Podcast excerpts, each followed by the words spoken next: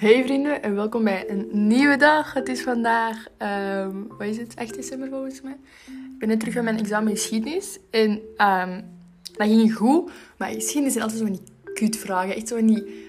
In plaats van gewoon te zeggen van, ah, leg dit begrip uit. Zo, oh my god, pas dat toen een conjunctuur en een structuur, lange termijn, die structuurbegrip en mix mij. Nee. Maar bon, we zijn er vanaf. Een buis lijkt me drastisch, dus ik denk wel dat het is gegaan. Ik denk wel dat het is gegaan. Um, godverdomme, echt, ik begin altijd en ik denk van, oh my god, ik heb wel iets te zeggen. Ah, jawel, jawel. Ik moet straks Nederlands studeren. Um, mijn Nederlands is altijd zo'n chaos. Echt, ik snap nooit wat we moeten kennen, maar ik heb nu al een overzicht gekregen. We gaan zo bij klas, dus dat komt goed. Maar ik word daar toch gek van. Ik weet nog vorig jaar uh, bij Nederlands, bij de laatste examens, echt waar iedereen had gewoon een crisis. Dat was voor een mondeling. En iedereen had zo'n crisis. Niemand wist wat we moesten kennen. Niemand snapte het. Dat was veel te veel. Iedereen had zich daar wel aan mispakt. En ik was dat verhaal aan mijn psycholoog aan het vertellen. En toen zei hij, ik denk dat je ADHD hebt. Dus nu is Nederlands citeren um, altijd een mijlpaal. Omdat uh, die toen zo dacht dat ik ADHD had. Vind ik grappig. Dat was echt de eerste keer dat hij dat vermeldde. Ik toen blijkbaar in het verhaal zoveel ADHD-tekens vertekende, vertoonde, niet vertekende. Maar dus dat is kei leuk, hè?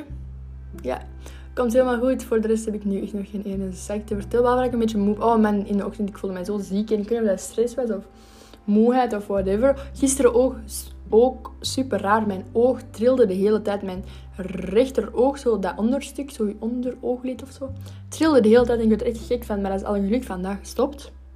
Oké, dat waren de zaagseconden. Um, even zaagsessie.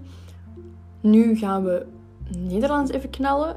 En um, ik mag geen dutjes doen vandaag, want vandaag ben ik echt, volgens mij als ik een dutje doe, ik de hele dag dutjes doe. Dus ik moet even energie hebben, maar ik voel dat het aan het komen is. Dus het komt helemaal goed en ik hoor jullie... Nee, nee, jullie horen mij later.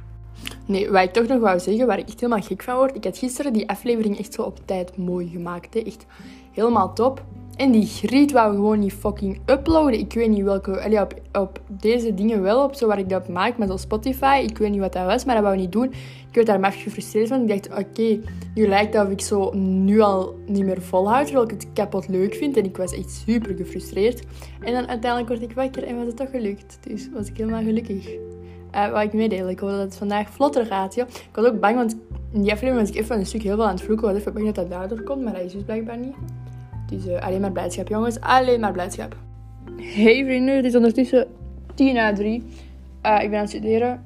En echt, oh man, het is zo murder. Ik heb daar echt zoveel chaos. Oh, ik ben ondertussen aan het eten. Misschien moet ik dat niet doen, want ik heb daar ook niet tegen eten gaan. Oké, sorry, mijn excuses. Uh, maar het was echt maffe chaos om te weten wat ik moet studeren. Maar uiteindelijk is het wel een beetje gelukt.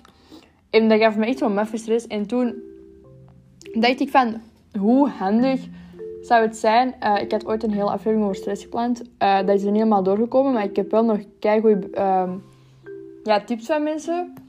En um, een vriendin van mij, Emma, stuurde mij ook echt onlangs nog een berichtje van... Hey, komt die er nog? En ik was zo... Damn, ja, want ik had ook...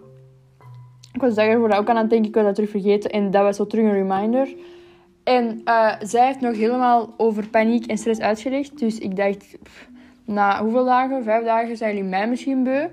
Vijf, vier? Ik weet het ook niet. Nee, vier volgens mij. Vierde aflevering, als ik me niet vergis. Uh, zijn jullie mij beu? Dus een nieuwe stem. Dus ik ga haar uh, laten praten uh, over hoe zij stress heeft ervaren. En zij heeft ook een heel goede tip. Dus ik hoop dat jullie daar iets aan hebben. en Emma, super hard bedankt om uw dingen helemaal mee te delen. Hallo, ik ben Emma en ik ga een beetje meer vertellen over mijn persoonlijke verhalen en ervaringen met stress en paniekaanvallen. Um, ik zit nu in het vierde middelbaar, dus ik ben 16 jaar. En vorig jaar, toen ik ja, in het begin van het schooljaar, begin derde middelbaar, is dat allemaal zo wat begonnen. Dus dat begon eigenlijk bij een presentatie dat ik uh, ineens uit het niks heel veel stress kreeg. En ik wist niet van waar dat kwam, want ik had dat nog nooit gehad. En toen, bij die presentatie, heb ik een soort van schrik gepakt, denk ik, waardoor dat ja, gewoon een beetje is blijven zitten en wat verder is gegaan. Maar dat ga ik ze biedt wat verder uitleggen. Maar na die eerste keer dat ik dat had, door die presentatie, ben ik wat beginnen nadenken over van waar dat zou kunnen komen en wat de oorzaak zou kunnen zijn daarvan. toen ben ik eigenlijk uitgekomen bij dat ik in het eerste middelbaar, dus dat is ondertussen al ja, meer dan drie jaar geleden, dat ik een test moest doen van mijn leerkrachten op faalangst. Ik moest zo'n formulier invullen, omdat die dat zo vermoeden dat ik dat had. En daarop had ik zeg maar positief gescoord. Ja, ik weet niet hoe ik dat moet zeggen, maar uit die test bleek dus dat ik faalangst had. En op dat moment was ik echt zo van, ja, ik heb dat niet, want ik merkte daar zelf niks van dat ik dat had of zo. Ehm, dus ik, ja, ik leefde gewoon verder en ik had daar niet echt last van. Ik dacht daar niet zoveel aan, omdat ik, ik merkte daar niks van dat ik dat zou hebben. Maar toen ik dus die paniekaanval of die stress had gekregen bij die presentatie, had ik wel een idee dat dat daarvan zou kunnen komen. En ehm, dan is dat eigenlijk allemaal wel erger geworden en begon ik dat ook te krijgen voor testen en gewoon om in de klas te zitten.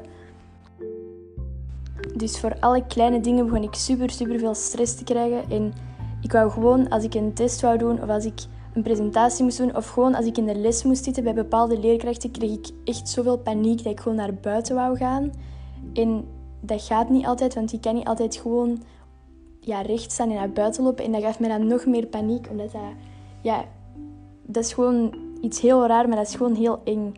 En toen, toen dat echt heel erg was en dat echt gewoon voor alles was, heb ik ehm, op mijn school contact opgenomen met een zorgcoach. En die heeft mij super goed geholpen. Um, en ook veel tips gegeven. Dus ik zal die tips ook even delen. Ehm, vooral, bij mij is het probleem vooral dat ik mijn adem in controle moet houden.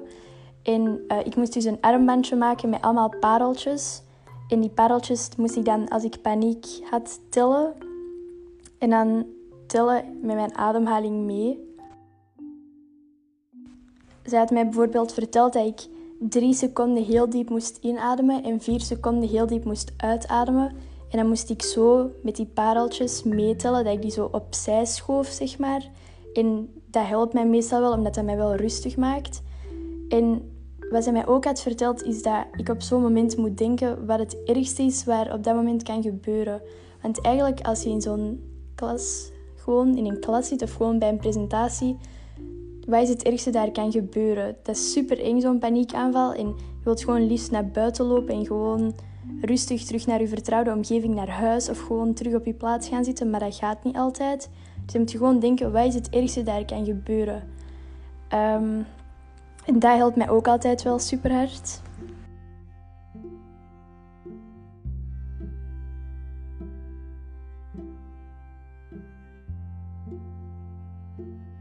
Uh, vorig jaar had ik dus super veel stress en heel veel paniekaanvallen in de klas. Dat ik gewoon naar buiten ging tijdens de les. En mijn leerkrachten waren daar natuurlijk ook al van op de hoogte. Um, en dat kon zeg maar op twee manieren. Oftewel had ik gewoon zo een druk op mijn borst en dat mijn voet trilt ook altijd als ik heel veel paniek heb en heel veel stress. En zweethanden en gewoon dat ik mijn adem moeilijk onder controle kan houden. Maar soms is dat ook gewoon puur in mijn hoofd. Dat ik gewoon, ja, gewoon helemaal paniekerig ben in mijn hoofd en dat je dat eigenlijk niet ziet. Want het is heel vaak dat je dat eigenlijk niet ziet aan iemand dat hij heel veel stress heeft of heel veel paniek. En ja, bij mij was dat soms dus ook dat ik gewoon heel stil zat, maar gewoon echt naar buiten wou gaan. En ik weet ook gewoon hoe dat komt dat dat allemaal erger is geworden. Dat ik voor alle stress kreeg. Dat dat van presentaties naar testen, naar gewoon in de les zitten is gegaan. Dat is allemaal omdat dat in mijn hoofd zat. En als ik op een bepaald moment een paniekaanval kreeg, dan dacht ik... Als ik morgen terug in deze les zit, in dit lokaal, bij deze leerkracht, dan heb ik dat terug. En als ik dacht dat ik een paniekaanval ging krijgen, de volgende dag of de volgende week, als ik terug in die les zat, dan kwam dat ook. Dus als, dan op een gegeven moment had ik gewoon echt ja, gewoon bang om gewoon naar een bepaalde les te gaan, omdat ik wist dat het in die les gewoon misging.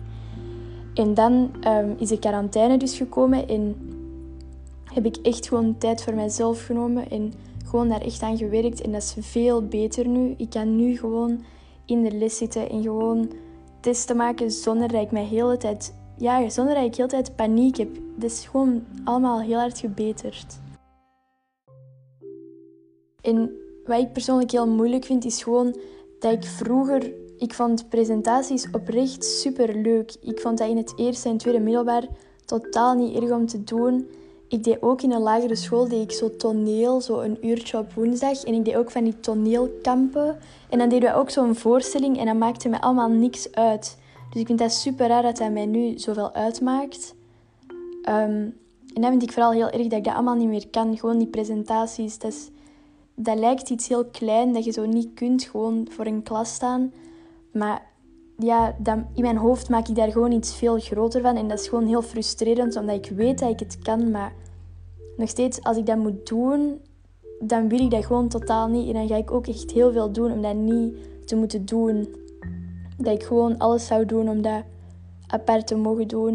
En dan vind ik zelf heel moeilijk om dat te accepteren, dat ik dat gewoon ja, moeilijk vind. Oké, uh, ik hoop dat jullie daar iets hebben aan gehad. Uh, de aflevering is echt al lang, dus ik ga het heel kort houden. Dilemma van de dag. En nee, eerst nog eens heel erg bedankt, Emma. Um, ik hoop dat... Ja, ik, ik vind het heel chill dat je dat hebt verteld. Ik hoop dat je een inspiratie kunt zijn voor mensen, laten we het zo zeggen.